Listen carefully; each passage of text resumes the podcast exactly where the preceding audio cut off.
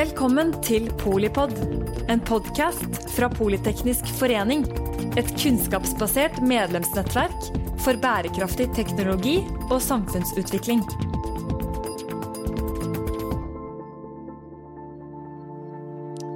Velkommen til årets samvirkefrokost, som i år skjer digitalt og i samarbeid med Politeknisk forening, som samvirken er medlem av.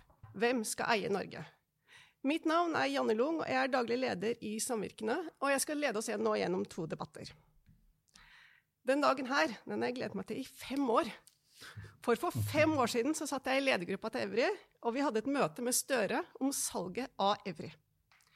Støre var den eneste politikeren vi hadde møte med, eh, eller var den politikeren vi hadde møte med som uttrykte absolutt mest skepsis til at en kunnskapsbedrift som Evry ble solgt ut av Norge.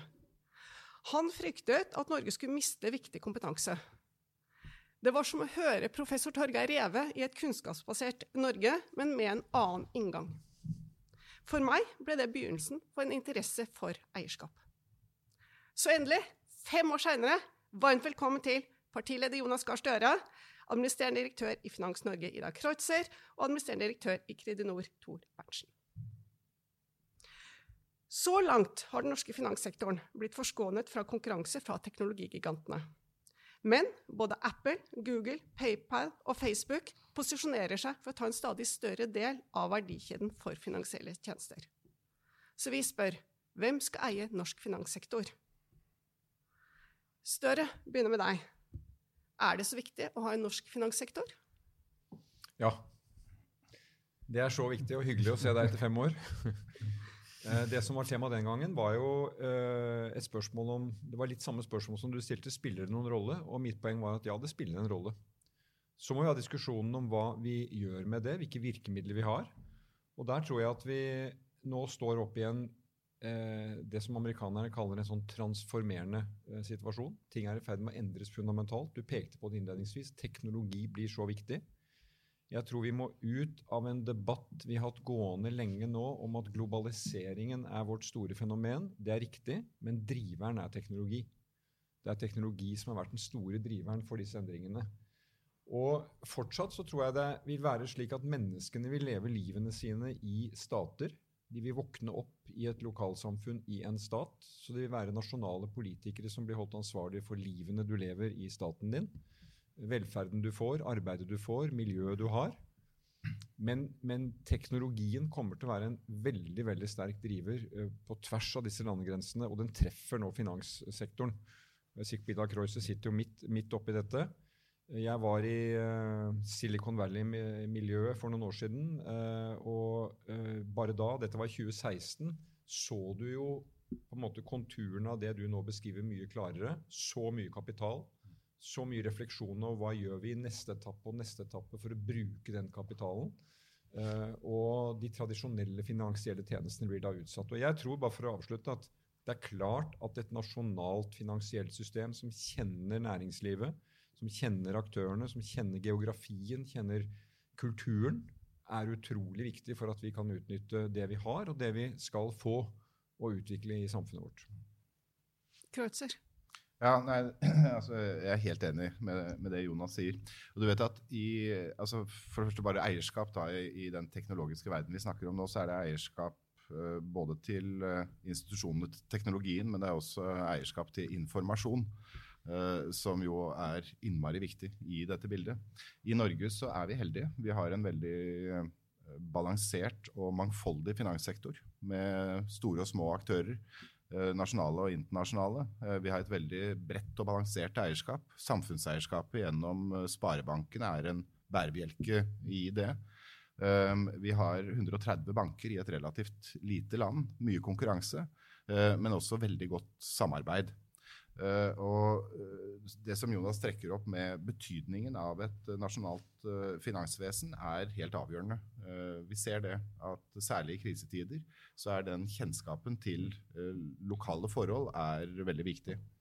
I møte med disse tech-gigantene, hvis jeg kan bare mm. si litt om det, så er det altså Jeg tror vi skal bare tenke gjennom at det er ikke sånn at de nødvendigvis er så mye flinkere enn oss, men de er veldig mye større. og Eh, jeg tror at en del av responsen fra vår side på det, det er, det er tre ting. Det ene er samarbeid. Det andre er regelverk, likt regelverk, uh, så at du får konkurranse på like vilkår. Uh, og det tredje er kunnskap og kompetanse. Og, når det gjelder samarbeid Når, når Mastercard gjorde et stort oppkjøp i norsk betaling i fjor, det største internasjonale oppkjøpet de har gjort noen gang, så brukte de som begrunnelse at det er fordi det norske betalingssystemet er blant verdens mest avanserte. Mm. Og det har vi utviklet i samarbeid i næringen. vi samarbeider også mellom næringen Eh, og offentlig sektor gjennom digital samhandling offentlig-privat og skaper enorme verdier eh, gjennom godt samarbeid. Eh, bankene i Norge går nå sammen inn og, og jobber med å utvikle VIPS. Samarbeid. Hvorfor er det det? Jo, det er tillitsbasert. Tillit er en kapital vi har i Norge som vi kan utnytte i møte med gigantene. Forutsetningen for at det skal lykkes, er at vi kan få lov til å konkurrere på like vilkår. Vi må mm. ikke starte sånn 200 meter bak de andre på, på denne 3000-meteren. Uh, så vi må ha like konkurransevilkår. Der har EU nå tatt et idélederskap etter mitt skjønn, på å forsøke å etablere like skatteregler, uh, like regler knyttet til informasjon, slik at man kan konkurrere på like vilkår. Veldig viktig. Siste er kompetanse. Så se på det som skjer på digitalisering i Norge, på kunstig intelligens, på deep learning, på, og, ikke minst på kunnskapsanvendelse. Vi ligger ikke tilbake for noen. Men først søren så hardt folk jobber for å uh, passere oss som en av verdens mest digitale økonomier. Så vi skal stå opp tidlig om morgenen, og vi skal være ekstremt bevisst på betydningen av kompetansebygging uh, for å kunne opprettholde og videreutvikle dette konkurransefortrinnet. Og det går på målrettet satsing på kunnskap og kunnskapsbygging. Uh, og så går det på kunnskapsanvendelse, som vi har vært veldig flinke på i Norge lenge. Så egentlig tre ting, da. Både å posisjonere seg for å hindre oppkjøp. Uh, og så er det å bygge kompetanse. Um, ja, så var det en ting til. Ja, altså Regelverk Ja, like konkurransevilkår, selvfølgelig. Men hvordan, hvordan, posisjonere seg for å hindre oppkjøp? De er jo så store. altså jeg mener De amerikanske teknologigigantene nå uh, uh, er jo like store som alle de børsnoterte selskapene i Europa. Uh, hvordan stå imot den kjøpsmakten? Altså, det, det, der er det, det, det, store spørsmålet. Og du har jo spilt opp litt uh, diskusjonene her om statlig eierskap og privat eierskap, om utenlandsk eierskap og, og innenlandsk eierskap. Um, altså bare for å ta det med utenlandske eiere først, da. Um, nå har Utlendingene eier ca. 39% av børsen, snart 40 mm. av børsen. Det kan vi se på som et problem, eller så kan vi se på det som at internasjonale kapitalmarkeder stemmer. Uh, og de har stemt på med flere hundre milliarder kroner på norske selskaper. Det er fordi de tror på norsk teknologi, mm. de tror på norsk kompetanse, og de har lyst til å være med og ta risikoen på å utvikle den kompetansen. Det ville være veldig synd hvis vi stiller oss sånn at de trekker seg ut og investerer i Sverige og Finland isteden. Naturligvis så trenger vi det. Samtidig så er det jo helt avgjørende, som Jonas sier, at vi har evnen til å sikre eierskapet, uh, hovedkontorfunksjoner, i Norge. Mm. Vi kan ikke bli bare et sånt uh, filialland. Uh, og statlig eierskap, jeg har lyst til å si det, jeg tror de fleste ser at staten må være en, en viktig eier i norsk næringsliv. den viktige diskusjonen der, den går mer på kvaliteten på det statlige eierskapet. At vi sikrer at det er et godt statlig eierskap. Og så skal vi ha et offentlig ordskifte om eierskap i enkeltbedrifter. Og det har vi. River og sliter i. Er det riktig, og er det ikke riktig, og hvorfor, og hva er begrunnelsen, og, og, og hvordan? Men, men, det som er det store problemet i Norge, er at vi har altfor lite privat eierskap. Når vi diskuterer privat eierskap i Norge, så tror folk at det er Petter Stordalen og, og, og Stein Erik Hagen. De er jo de minst typiske eierne av norsk næringsliv. Altså Den typiske eieren av norsk næringsliv eier en bedrift med elleve ansatte. Mm. Uh, han har pantsatt alt han har, for, eller hun har pantsatt alt hun har for å, for å drive dette. Uh, hun kan markedet sitt. Uh, hun kjenner kundene sine, og det er der arbeidsplassene skapes. Og det å, å, å ha en intelligent diskusjon om forutsetningene for det norske eierskapet, slik at vi kan skape nye arbeidsplasser, er en kjempeviktig diskusjon fremover, og veldig bra dere setter på dagsordenen. Det kommer vi tilbake til Støre. Nei, jeg, jeg, For å gå over på dette med det statlige, da, så tenker jeg at uh, det er et, uh, et sånt Jeg syns det er et sånt tidsskille i den diskusjonen. fordi at statlig eierskap eh, settes opp mot privat eierskap, et ganske gammelt ideologisk mønster. Og jeg har lyst til å si liksom, Som sosialdemokrat jeg har et veldig uideologisk syn på det. Ytterst pragmatisk syn på det. Jeg, jeg siterte en artikkel i DN forleden dag. en sånn britisk historiker som mente at sosialdemokratiet var en praksis på søken etter en teori. Vi har aldri vært helt sikre på hva teorien er, men det er praksis som teller.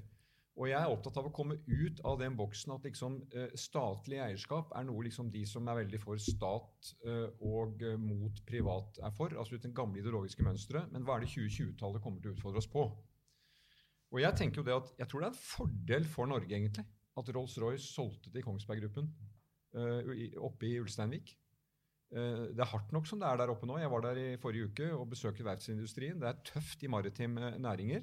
Men jeg tror det er en fordel at det er et nasjonalt eierskap som eh, er der. Og hvilke transformasjonskrefter skal dette næringslivet møte på 2020-tallet? Hele digitale spennet som, som Kreutzer viser til.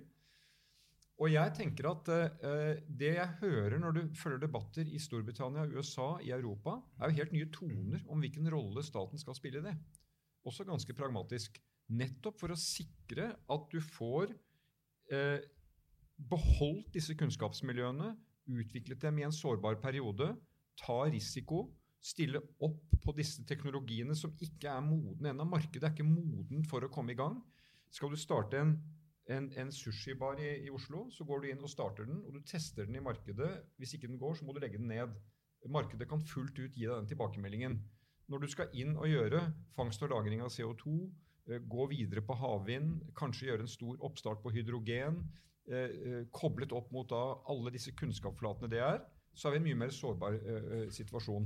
Og jeg, jeg tenker at da må, da, må, staten være en intelligent partner som stiller opp og stiller krav i større grad. Jeg syns jeg hører også det når du er ute i norsk næringsliv, at man etterlyser det på en, på en ny måte. Den diskusjonen må vi ha på beste maner, som uh, Idar sier. Den tilliten som er rundt bordet når man setter seg ned i Norge. Neste poeng på disse store tech-gigantene. Her vil det jo stå et slag, tror jeg, for å bruke litt uh, tøffe ord. For dette, dette kom, det, det, blir, det, blir, det, Joe Biden i USA, og selv med Donald Trump, så tror jeg det at dette utfordrer også fundamentalt noen prinsipper i USA. For dette unndrar seg jo beskatning også i USA. Er, sant? da vi husker da jeg var utenriksminister og vi satt i OECD, så var det jo amerikanerne som satt på dagsorden. Dette med skattemanipulering, uh, som trakk pengene unna til beskatning. Europa er jo på vei mot en veldig veldig stor showdown med USA på disse teknologigigantene. Hvor skal vi stille oss i dette? Hvem blir vi da i mm. Norge? Dette må vi forberede oss på politisk. Fordi at den mm. utviklingen som er nå, med winner takes it all, mm. store kontrollen over, over disse i, i, økonomien, det tror jeg ikke kommer til å fortsette. Vi er på, vi er liksom på kapittel to av det man gjorde i USA tidlig på 1900-tallet mot det som var da monopoler og halvveismonopoler innenfor olje-, gass- og energisektoren. Da, da, måtte man, ja, stål, da måtte man virkelig slå til med reguleringer. Dette er 2-0 for det. Uh, og det må også vi være forberedt på. Og jeg, jeg, tror bare siste punktet da, Vi er den mest åpne økonomien i Europa, og den kanskje mest digitaliserte. Så vi ligger helt i front i mulighetene, men vi har også en sårbarhet her som jeg tenker er veldig fraværende fra den norske samfunnssamtalen. Hvor sårbare vi faktisk er fordi vi har denne, denne åpenheten. Jeg, jeg, tror at Når det gjelder dette med tech-gigantene altså Hvis du ser på det som skjedde etter antitrustlovgivningen antitrust-lovgivningen i, i, Amerika, brøt opp en del av disse store uh, stål-, olje- og energisystemene, uh, så fikk du jo økt vekst. Eh, flere arbeidsplasser, mm. Eh, økt verdiskapning. Mm. Eh, nettopp fordi de store gigantene bidrar til å, å, begrense dynamikken i økonomien. Jeg tror det samme hadde skjedd nå i Amerika. Du hadde hatt de diskusjonene på en helt annen måte hvis ikke du hadde hatt Alibaba og Tencent. Uh, de store kinesiske gigantene. Mm. fordi Det man er redd for, er jo selvfølgelig hvis man nå begrenser mm. de amerikanske gigantene, mm. overlater man da hele den globale dominansen til to-tre mm. kinesiske tech-giganter som, som antagelig vil ha en helt annen lydhørhet overfor den form for, for regulering. Så Det er liksom den, den refleksjonen.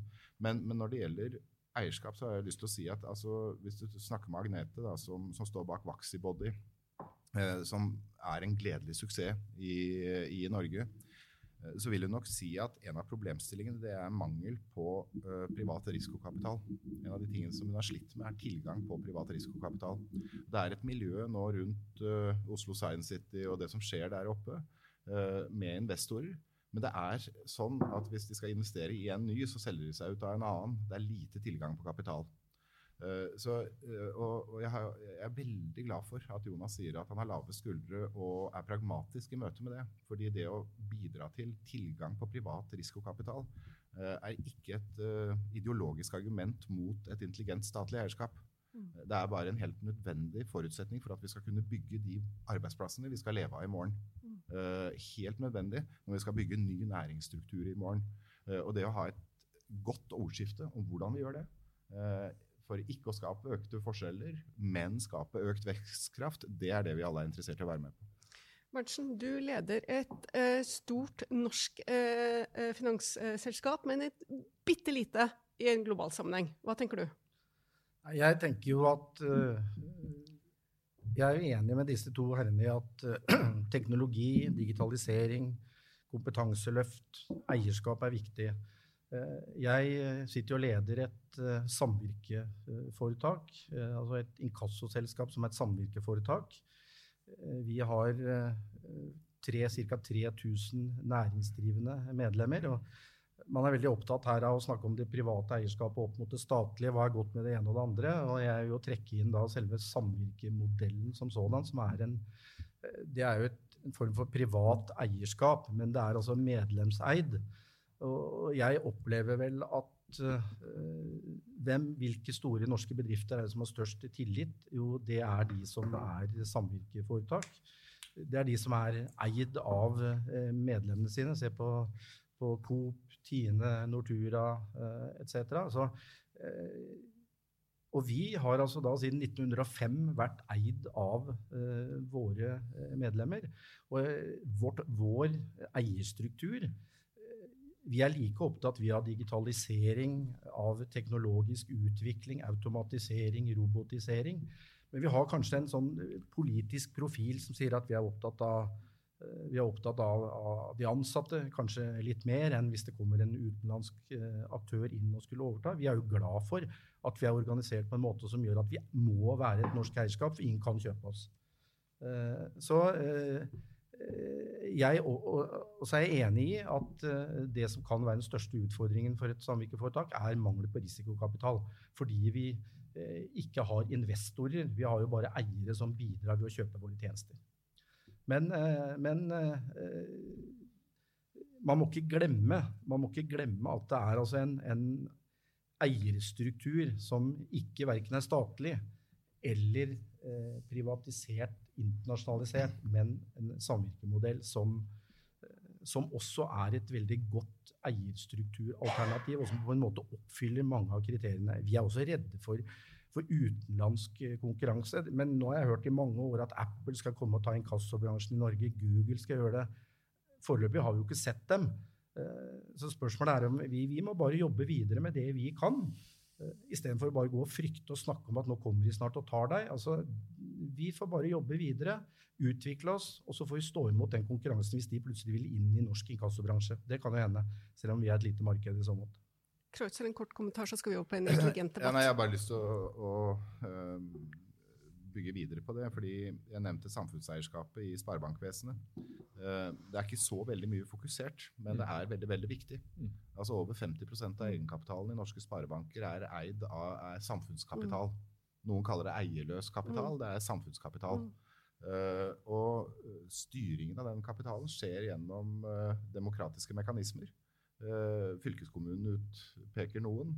eierne av egenkapitalbevis utpeker noen. De ansatte utpeker noen, som sitter da og forvalter disse systemene. Og de har jo vist seg å være både en veldig viktig del av norsk finansvesen en nær og lokal del av norsk finansvesen som er der ute hvor små og mellomstore bedrifter er. Og ikke minst, som, som det blir sagt, en veldig dynamisk del av norsk finansvesen som ikke ligger noe tilbake når det gjelder digitalisering og vilje til, eh, til omstilling. Uh, og en stor del av overskuddet pløyes tilbake. sånn at Hvem er den viktigste bidragsyteren, bortsett fra staten, til norsk kulturliv? Vel, det er jo norske sparebankstiftelser. Uh, bidro jo med 480 millioner til norsk kulturliv i fjor. Sant? Sånn at du har den mekanismen også godt representert i norsk finansvesen. Du var så vidt inne på det tidligere, eh, dette med å få inn intelligent debatt om eierskap. Eh, eierskapsdebatten i Norge har tendens til å låse seg om for eller mot statlig eierskap eller for eller mot formuesskatt. Så er vi enige om, vi er enige om utfordringen vi står oppi. Eh, hvordan får vi til denne diskusjonen? og bare nevne en ting, Samvirkene har foretatt en opinionsundersøkelse, og det viser seg at fire av fem nordmenn er opptatt av eierskap. Ønsker det opp som en debatt. Um, og uh, over halvparten av nordmenn ønsker, ønsker tiltak som sikrer uh, at utenlandsk uh, eierskap ikke øker for å ta vare på norske arbeidsplasser. Så kan du si, ok, men sant, Det er en genuin interesse for eierskap. Hva gjør vi for å løfte denne debatten videre og ikke stå der og stange? Vi trenger jo et mangfold av eierskap for å komme videre. Hva, hva, hva gjør vi? Hvorfor, hvorfor, er den debatten så tabloid? Mm. Altså, jeg, det er jo, dette er flere ting. Jeg er ikke sikker på at debatten er så veldig tabloid. De to spørsmålene du tar opp nå, statlig eierskap, formuesskatt, er jo en del av samfunnsdebatten. Mm. Jeg tror, det er ingen, det, altså, Dette er jo ikke slik at det er én enkelt faktor. Hvis du vrir 45 grader på den, så fikser du eh, det eierskapet du vil ha. Det, jeg tenker på Det du forteller om samvirke, er jo en, eh, eh, det er jo en veldig norsk historie. og det også Kreutzer snakker om Sparebanken, en ganske norsk sak. Norge er jo på mange måter et samvirke. Altså Hvis du ser mm. på hvordan vi har ordnet oss som et lite land med åpen økonomi. Det du ser nå rundt dette Wizz Air-eksempelet, eh, det er jo at det kommer inn en aktør som leverer en vare som nordmenn etterspør, eh, i, veldig, eh, i, et, i, en sektor som det er enorm endring i, luftfarten. Stor krise. Men hvor det er noen holdninger til arbeid som faller utenfor det jeg opplever er det norske samvirket, hvis jeg bruker det, det ordet. Uh, og, og, og, en veldig klar markering på at den, Norge kommer aldri til å bli billigst, men vi kan altså bli best på noen områder. Og det er fordi vi bl.a. tar godt vare på folk som jobber, og hører på dem. Uh, hvordan kan vi da ta dette eierskapet videre? Vel, altså jeg tror For det første må vi jo ta utgangspunkt i hvem vi er, og hva vår historie er. Jeg synes ofte en diskusjon om eierskap blir at se på Sverige, de gjør det sånn. Danmark gjør det sånn. Hvorfor kan ikke Norge gjøre det på den måten? Det forteller jo en historie om hvor ulikt opphav vi har. Altså hvor ulik vi var på tilgang på kapital bare for noen generasjoner siden. Eh, og hvordan staten har på mange måter fylt eh, eh, roller som de store private familiene gjorde i, i Sverige, og en, en mye mer bearbeidende industri gjorde i Danmark våre veldig veldig tunge eh, eh, fotavtrykk innenfor ener hele energibransjen, havnæringene, sjømaten osv. Der kommer det jo kapital eh, og er tilgjengelig. Så jeg tenker at ja, vi må, vi må rigge skattesystemet vårt slik at det er eh, eh, tilgjengelig for eh, gode investeringer. at vi må gjøre det på en smart måte. og så må en del av det spleiselaget vi har, bedre rettes inn for å klare denne skaleringsfasen, hvor vi ofte blir sårbare. Og, og, sånn som jeg opplever det, så er det jo eh, et veldig rikt uh, idé- og gründermiljø i Norge knyttet til en del av disse uh, hubene vi nå har innenfor medisin, innenfor science, som Idar også var inne på. Men en veldig krevende finansieringsfase i starten før du er på en måte oppe i det som er på en måte nærme deg markedet, dødens dal og det hele der. og vi har jo foreslått fra vår side at du bør ha Eh, en større grad av eh, offentlig kapital tilgjengelig i den fasen. Og da mener jeg at vi har gjort altfor lite i å utvikle eh, et statlig tilskudd, og som er med i en eierfase, for så å gå ut igjen i oppstart av de som altfor tidlig selger seg ut. Der mener vi kan, vi kan, gjøre, vi kan gjøre langt mer. Prøve ut flere av, av de modellene. Eh, veldig ofte så har vi jo hatt slik at staten, modellen har vært at staten skal sosialisere eh, tapene men får ikke noen del av uh, gevinstene. Det er jo en stor mm. debatt som også går i mm. USA nå. Hvem er det som skal inn og rydde opp? Og når det så tar av igjen, så vil de som da ble avlempet risiko, de får oppsiden. Det er en del av det jeg mener et intelligent statlig eierskap må være. De kan ta den, den første trøkken, være med et stykke på vei, og så på en måte uh, frigjøre uh, når, når, private kommer inn. For det er jo ikke sånn at selv om man mangler uh, man kan etterlyse norske investorer, så mangler det jo ikke privat kapital i Norge. Altså Det er tilgang på privatkapital, men, den, men den, den, går ikke til alle de sektorene som vi eh, skulle ønske. Og da mener jeg at i noen områder der så må, må, må staten være eh, mer tilgjengelig, smartere enn det den er i dag. Ikke med mål om å nødvendigvis være varig eier, men å være en, en, en, en klok eh, bidragsyter og eier. Ja, To-tre to, ting. Jeg beklager at jeg eh, men, men altså, når det gjelder det jeg er enig i, det er at for mye av den private kapitalen i, i, i Norge er allokert til eiendom. Uh, ikke sant? Og det er, det er, historiske grunner og skattemessige grunner og alt mulig rart. Uh, så jeg er helt enig i den allokeringsproblematikken din. Uh, men jeg tror nok det er jeg, jeg, må nok For å skape litt temperatur i debatten, da. jeg tror de fleste jeg tror det er, altså Private eiere private personer i Norge eier 4% av børsen. Veldig veldig lite, altså. Jeg tror de fleste målinger viser at kapitaldannelsen i Norge den skjer på statens hånd. Og staten plasserer spareoverskudd i utlandet, det er vi enige om. Eh, men det er lite privat kapital i Norge sammenlignet med alle de land vi liker å sammenligne oss med. Og det er en problemstilling, vi må ta den på alvor. Når det gjelder staten, og, og, og sånn, så er det jo statens direkte eierskap er én ting. Det vi snakker om her, tror jeg, det er hvordan er det vi setter opp virkemiddelapparatet mm. uh, mest mulig effektivt. Uh, jeg gjorde en studie for uh, Nordisk ministerråd nå for å se på akkurat dette i 2018.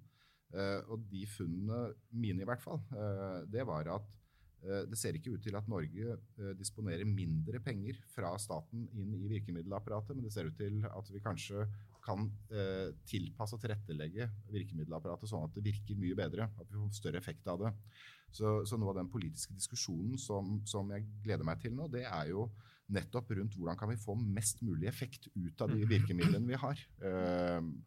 og, og det bringer meg jo da over i den diskusjonen om på, svaret på spørsmålet ditt. Eh, jeg tror For det første så tror jeg vi må tenke gjennom hva er det vi ønsker å oppnå med eierskapet. Og Det vi ønsker å oppnå, det er verdiskapning, eh, og det er arbeidsplasser, og det er en bærekraftig omstilling. Det er det vi ønsker. Ikke sant? Eh, og da må vi ha en litt sånn lave skuldre, intelligent diskusjon av hva slags type eierskap er det som skaper, hjelper oss med det. Litt mindre ideologisk, litt mer faktabasert. Tror jeg hadde vært en veldig stor hjelp. Mm. Og så er jeg veldig opptatt av å løfte frem eierne i norsk næringsliv som en del av våre helter. Vi er stolte av mm. skijentene og håndballjenter og alle disse tingene. Men virkelig, altså den jobben som eier Det er knalltøft å være eier mm. av små og mellomstore bedrifter i Norge. Uh, og 93% av norske bedrifter er små og mellomstore bedrifter. Mm. Og de gjør en kjempejobb hver dag. Uh, og det å gå inn og interessere oss for hvordan er det å være eier. Hvilke problemstillinger er det du møter? Hvordan kan vi fjerne snubletrådene, sånn at det er lettere for deg å skape flere arbeidsplasser? Vi er helt avhengig av det. Altså, hvis vi nå skal lykkes med å bygge den brede næringsstrukturen som Norge trenger for å sikre det norske velferdsnivået, eh, så må vi heie frem eierne av norsk næringsliv. Små bedrifter må få lov å bli mellomstore, og vi må skape mange nye småbedrifter. Jeg bare litt på det, for eh, Jeg er ikke uenig i noe av det. Men det som jeg synes, uh, det var noen som brukte en sånn metafor her, et bilde på hva som skjer når det kommer Ta tilfellet Evry, da, uten at vi skal gå inn i det. det. Jeg kjenner ikke alle detaljene rundt det. Men det var noen som brukte eksempler med at når, når den situasjonen oppstår i Sverige eller Sveits, uh, og da er vi over på ishockeymetaforen for de som er fortrolige med det, da dannes det et sånt boksforsvar. Mm. hvor altså kombinasjon av kapitalsterke miljøer, eiermiljøer og stat og reguleringer går i forsvar. Fordi man ser at dette er et miljø vi skal hegne om.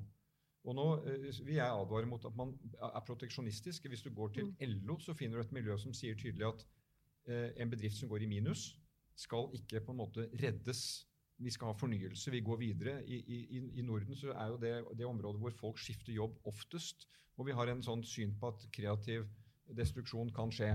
Men på noen områder hvor det virkelig handler om eh, samfunnsinteresser, så er det det soneforsvaret der viktig å ha. Og Det er en del mener jeg, av samvirkemodellen. At man i finansnæring, myndigheter, reguleringsmyndigheter og kapitalmiljøer eh, kan snakke eh, klokt sammen. Eh, det, det, mener vi også kan, eh, kan, gjøre bedre. Så er jeg enig i at eh, eh, de som er eiere av små og mellomstore bedrifter, står i en, en tøff hverdag. Men de står jo som regel støtt fordi de får til dette klima som er internt i bedrifter i omstilling. Altså Jeg var hos Vard. Det er jo italiensk eiet i og for seg, da, men det er jo en norsk bedrift i Brattvåg utenfor Ålesund som har vært gjennom to enorme omstillinger. Først etter oljeprisfallet, hvor de gikk inn i cruisenæring. Og så kommer koronaen, rammer cruisenæringen, og de må gjennom en omstilling igjen. En av grunnene til at de får til det, er at så mange av de som uh, jobber der, er medlem av Fellesforbundet. Slik at når mm. ledelsen går gjennom omstilling, så har de én aktør å snakke med om hva som kreves for å gå den veien. Så Det er en viktig del også av det organiserte norske arbeidslivet som en veldig ressurs i de omstillingene, eh, også teknologisk, som vi skal inn i. Berntsen, også Kreutzer, kan du også Berntsen, si litt om eh, erfaringer fra finanskrisen? Ja, altså Rent sånn overordna så er jo vi som er i et samvirkeforetak, vi er jo den oppfatning at vi klarer oss bedre gjennom kriser enn andre, enn, enn andre, og det tror jeg også denne undersøkelsen viser. Altså, for å ta oss, så har vi aldri hatt et krav på oss til maksimal avkastning. Hvis du ser på den største konkurrenten vår, som er internasjonalt eid, som bytter eiere hele tiden, det går fra det ene equity-fondet til det andre, der er det utbytte, maksimal avkastning, som, som, er viktig. For oss har det vært soliditet. Vi har holdt på siden 1905. Vi er opptatt av arbeidsplasser, vi er opptatt av arbeidsmiljø, men vi skal ikke bli sirumpa, for vi skal bruke eh, det vi har, til, til, utvikling.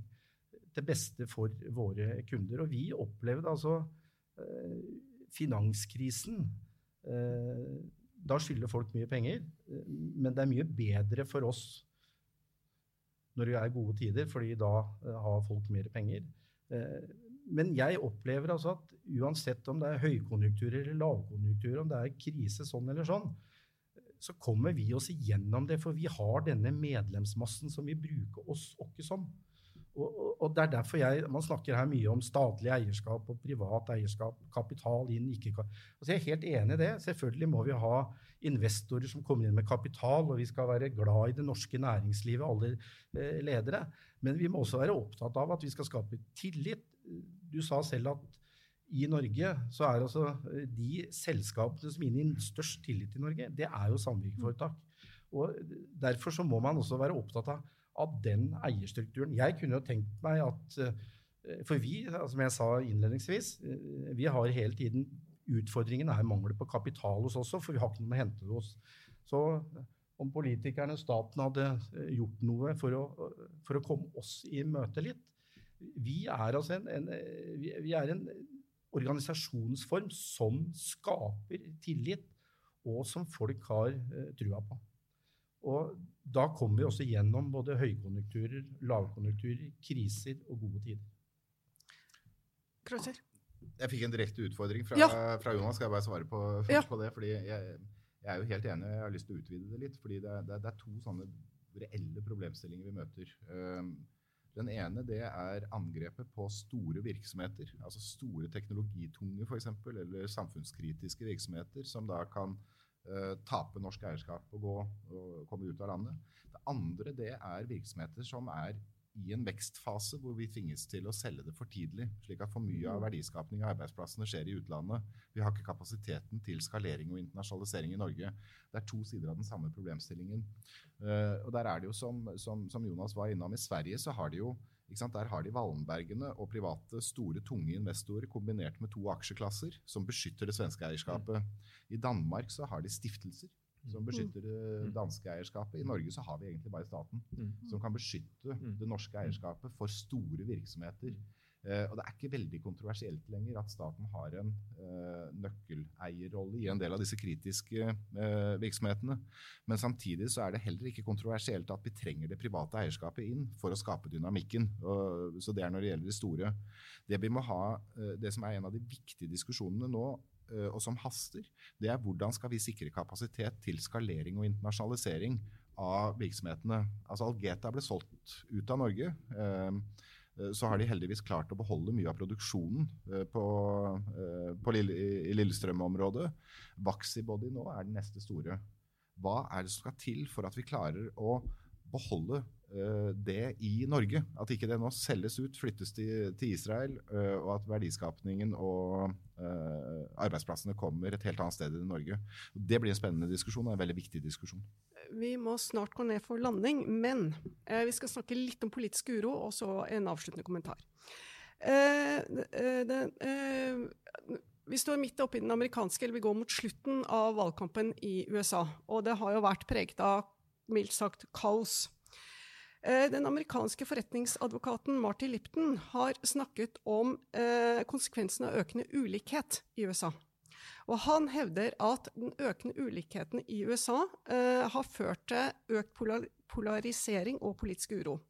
F.eks. Trump og brexit viser han til. Og det han eh, stiller spørsmål om, er hva hvis kapitalismen blir like påvirket som politikken har blitt han hevder at politikken har blitt mer påvirket enn vi hadde trodd. Hva hvis kapitalismen blir byttet ut med et mer ustabilt økonomisk system, så både politikken og det økonomiske systemet er i i um, bevegelse, da, hvis jeg kan si det sånn. Vi starter med Kreutzer, eh, Berntsen og så Støre. og det Knytt gjerne også til den avsluttende kommentaren, for det siste spørsmål. Ja, altså, jeg har vært med i mange av disse kapitalismediskusjonene. Uh, og, og, i Norge så vi tenker jo litt annerledes enn de der uh, hardcore kapitalismediskusjonene som vi møter sist nå på, på Cambridge. altså, I Norge så vi er en åpen markedsøkonomi. og Det er ganske ukontroversielt. Og så har vi veldig gode mekanismer for å håndtere de skjevhetene som kommer i en åpen markedsøkonomi. For å sikre, uh, redusere ulikheter. Uh, og vi har gode politiske diskusjoner om hvordan vi kan håndtere det. Uh, det er veldig viktig at systemet nå tilpasser seg. altså Hva sier man? Rewiring the economy. Um, og, og, og, den diskusjonen Jeg tror det er veldig veldig viktig at, uh, at uh, det økonomiske systemet evner å tilpasse seg den virkeligheten vi nå står oppe i. Og det store utfordringen nå, det er to stykker. Uh, det ene er ulikhet. At det er en vekst og verdiskapning som ikke kommer alle til gode. og det er den største trusselen mot demokratiet. største trusselen mot demokratiet det er at demokratiet ikke leverer velferd for alle. Uh, det er den ene store diskusjonen. Og den andre store diskusjonen det er bærekraft og klima, uh, natur og miljø. Vi må få uh, de reelle kostnadene inn i de økonomiske beslutningene. Mm. Og de to problemstillingene de er ikke trivielle, men det er helt avgjørende at vi klarer å håndtere det på en god måte. Og der er det jo sånn. Veldig mange ser til Norge og, og, og forsøker å hente litt inspirasjon om hvordan vi tenker rundt dette, og klarer å få til den tilliten på tvers av sektorer og holde forskjellene lave. Ja, det du spør om, er om, eh, om eh, kapitalismen blir påvirket av politikken. Eh, og vi ser jo at det blir den i, i USA, og det er jo noe man frykter at skal skje, og at altså da, kapitalismen blir mye dårligere enn det den har vært tidligere. Altså jeg er helt enig i at i Norge så har vi en annen struktur, vi har en annen form for demokrati. Vi har en helt annen politisk organisering. altså En, en, en Trump vil jo aldri kunne komme og, bli statsminister i Norge og påvirke sånn som han har gjort i, i USA. Så eh, jeg er heller ikke redd for at uh, vi skal få en, et samfunn i Norge som, hvor liksom uh, politikerne atferd medfører at vi får en, en, helt annen form for kapitalisme. Så det, det, det, tror jeg ikke vil skje, i hvert fall ikke i vår levetid. Støre? Jeg er dypt urolig for det siste utsagnet. Jo, for det er å okay. senke garden i forhold til hva som skjer. Ting skjer på norsk maner. Skjer ikke på ja. amerikansk maner. Det som skjer ja. i USA, er jo et dypt polarisert samfunn. og Det er mye vi kan si rundt det. Jeg synes Et av de mest interessante historiene er at den amerikanske drømmen den når du ikke i USA, men du kan nå den i Norden. Sosial mobilitet, muligheten til å komme fra familie med lite ressurser, få universitetsutdanning, sikre helsen din og gå videre og klare seg godt. Eh, det eh, er nå blitt eh, jo en trussel til den amerikanske samfunnsmodellen. Store altså, kull av dyktige unge mennesker som kommer fra lavinntektsfamilier, som er de beste de burde ha inn i universitetene, kommer ikke inn på universitetene, for det er for dyrt. Mens mer middelmådige elever fra høyinntektsfamilier de kommer inn. Jeg, var, jeg, besøkte et amerikansk universitet for et par år siden hvor presidenten på universitetet skrev at dette er jo en trussel mot hele vår modell. Vi skulle jo rekruttert inn folk som da er med på den mobiliteten. Det klarer de ikke. Jeg tror det er en veldig viktig del av hvordan et samfunn fornyer seg, har virkemåte. Og jeg er veldig tydelig på det. Eh, forskjellene øker i Norge. De øker mer enn vi liker å tro. Vi kan holde festtalen mot hos oss er det små forskjeller. Vi har tillit til hverandre. Altså, Vi har hatt en regjering som i hvert år siden 2013 lovpriser små forskjeller. Men forskjellene øker. Når er små litt større? Når er små sånn middelstort? Når blir små enda større. Altså Vi begynner å få strata da, fra deler inn i ti. Begynner å få tiendedel som stikker av, og 30% som henger etter. Og jeg er urolig for at hvis ikke vi tar og forstår det tidlig, og ser hva som skal gjøre for å ramme det inn, så får du noen av de irreversible øh, øh, konsekvensene. Og da er det feil å sammenligne med USA, for USA har sitt veldig spesielle utgangspunkt. Men veldig mye av de kulturelle strømningene i økonomisk tenkning, i, i, i, skattepolitikk, i hva som skaper insentiver, kommer fra den anglosaksiske verden og modellen. Det er klart at det som skjedde på tidsårsskiftet 70- 80-tall eh, med Reagan, Thatcher i USA hadde stor påvirkning på hele den vestlige måten å tenke økonomi på. Derfor er det også interessant at i mange av de miljøene som nå sitter og ser inn i kapitalmiljøene i USA og Storbritannia, så kommer det helt nye toner. De begynner nå å snakke om tematikken ulikhet, forskjeller, hva det betyr for tillit. De begynner å snakke om hvilken rolle har staten i disse store endringene som skal, skal opp. Uh, og da tenker jeg at kanskje vi kan kortslutte noe av det at det må gå full sirkel for at vi skal følge etter. At vi nå må beholde noe av det som er uh, vår, vår, kvalitet. Små forskjeller er ikke en gitt størrelse når de faktisk øker. En veldig kort sluttkommentar til Kreutzer. Ja, Dette blir litt en politisk uh, diskusjon. Jo, men De må vi ha. og ja, det, er, det, er, ikke litt en politisk diskusjon, det er en stor politisk diskusjon. Jo, men, men, men det jeg prøvde å si, var at vi, jeg, jeg, er ikke her som politisk representant, jeg er her som, som næringsrepresentant. Men, men, det er jo ikke sant, vi, vi får langs mange dimensjoner et mer heterogent uh, samfunn. Uh, og det i seg selv bidrar til å skape økte forskjeller. Det, det jeg har lyst til å si fra min side, er at uh, økte forskjeller er ikke bra for den tilliten vi er helt avhengig av for å skape, for å videreutvikle den, det, det, gode vi har i Norge. Og jeg har også lyst til å si at med det utgangspunktet så veldig bekymret for de tendensene som vi også ser i Norge til sånn økt polarisering. Sånn mm. også dem. Mm. Altså fordi det vi har vært flinke til å snakke om i Norge, det er vi. Og så er vi hakkende uenige om virkemidlene. Men vi mistror ikke hverandres uh, intensjoner. Vi vil det beste for Norge, vi vil det beste for hverandre. Og så skal vi ha et godt offentlig ordskifte om hvilke virkemidler som tar oss dit. Uh, vi må unngå den polariseringa. Helt ødeleggende. Vi skal ha en intelligent samtale om eierskap. Tusen takk til partileder og statsministerkandidat Jonas Gahr Støre, administrerende direktør i Finans Norge Ida Kreutzer og administrerende direktør uh, i, i Kredinor Tor Berntsen. Vi er tilbake om 15 minutter.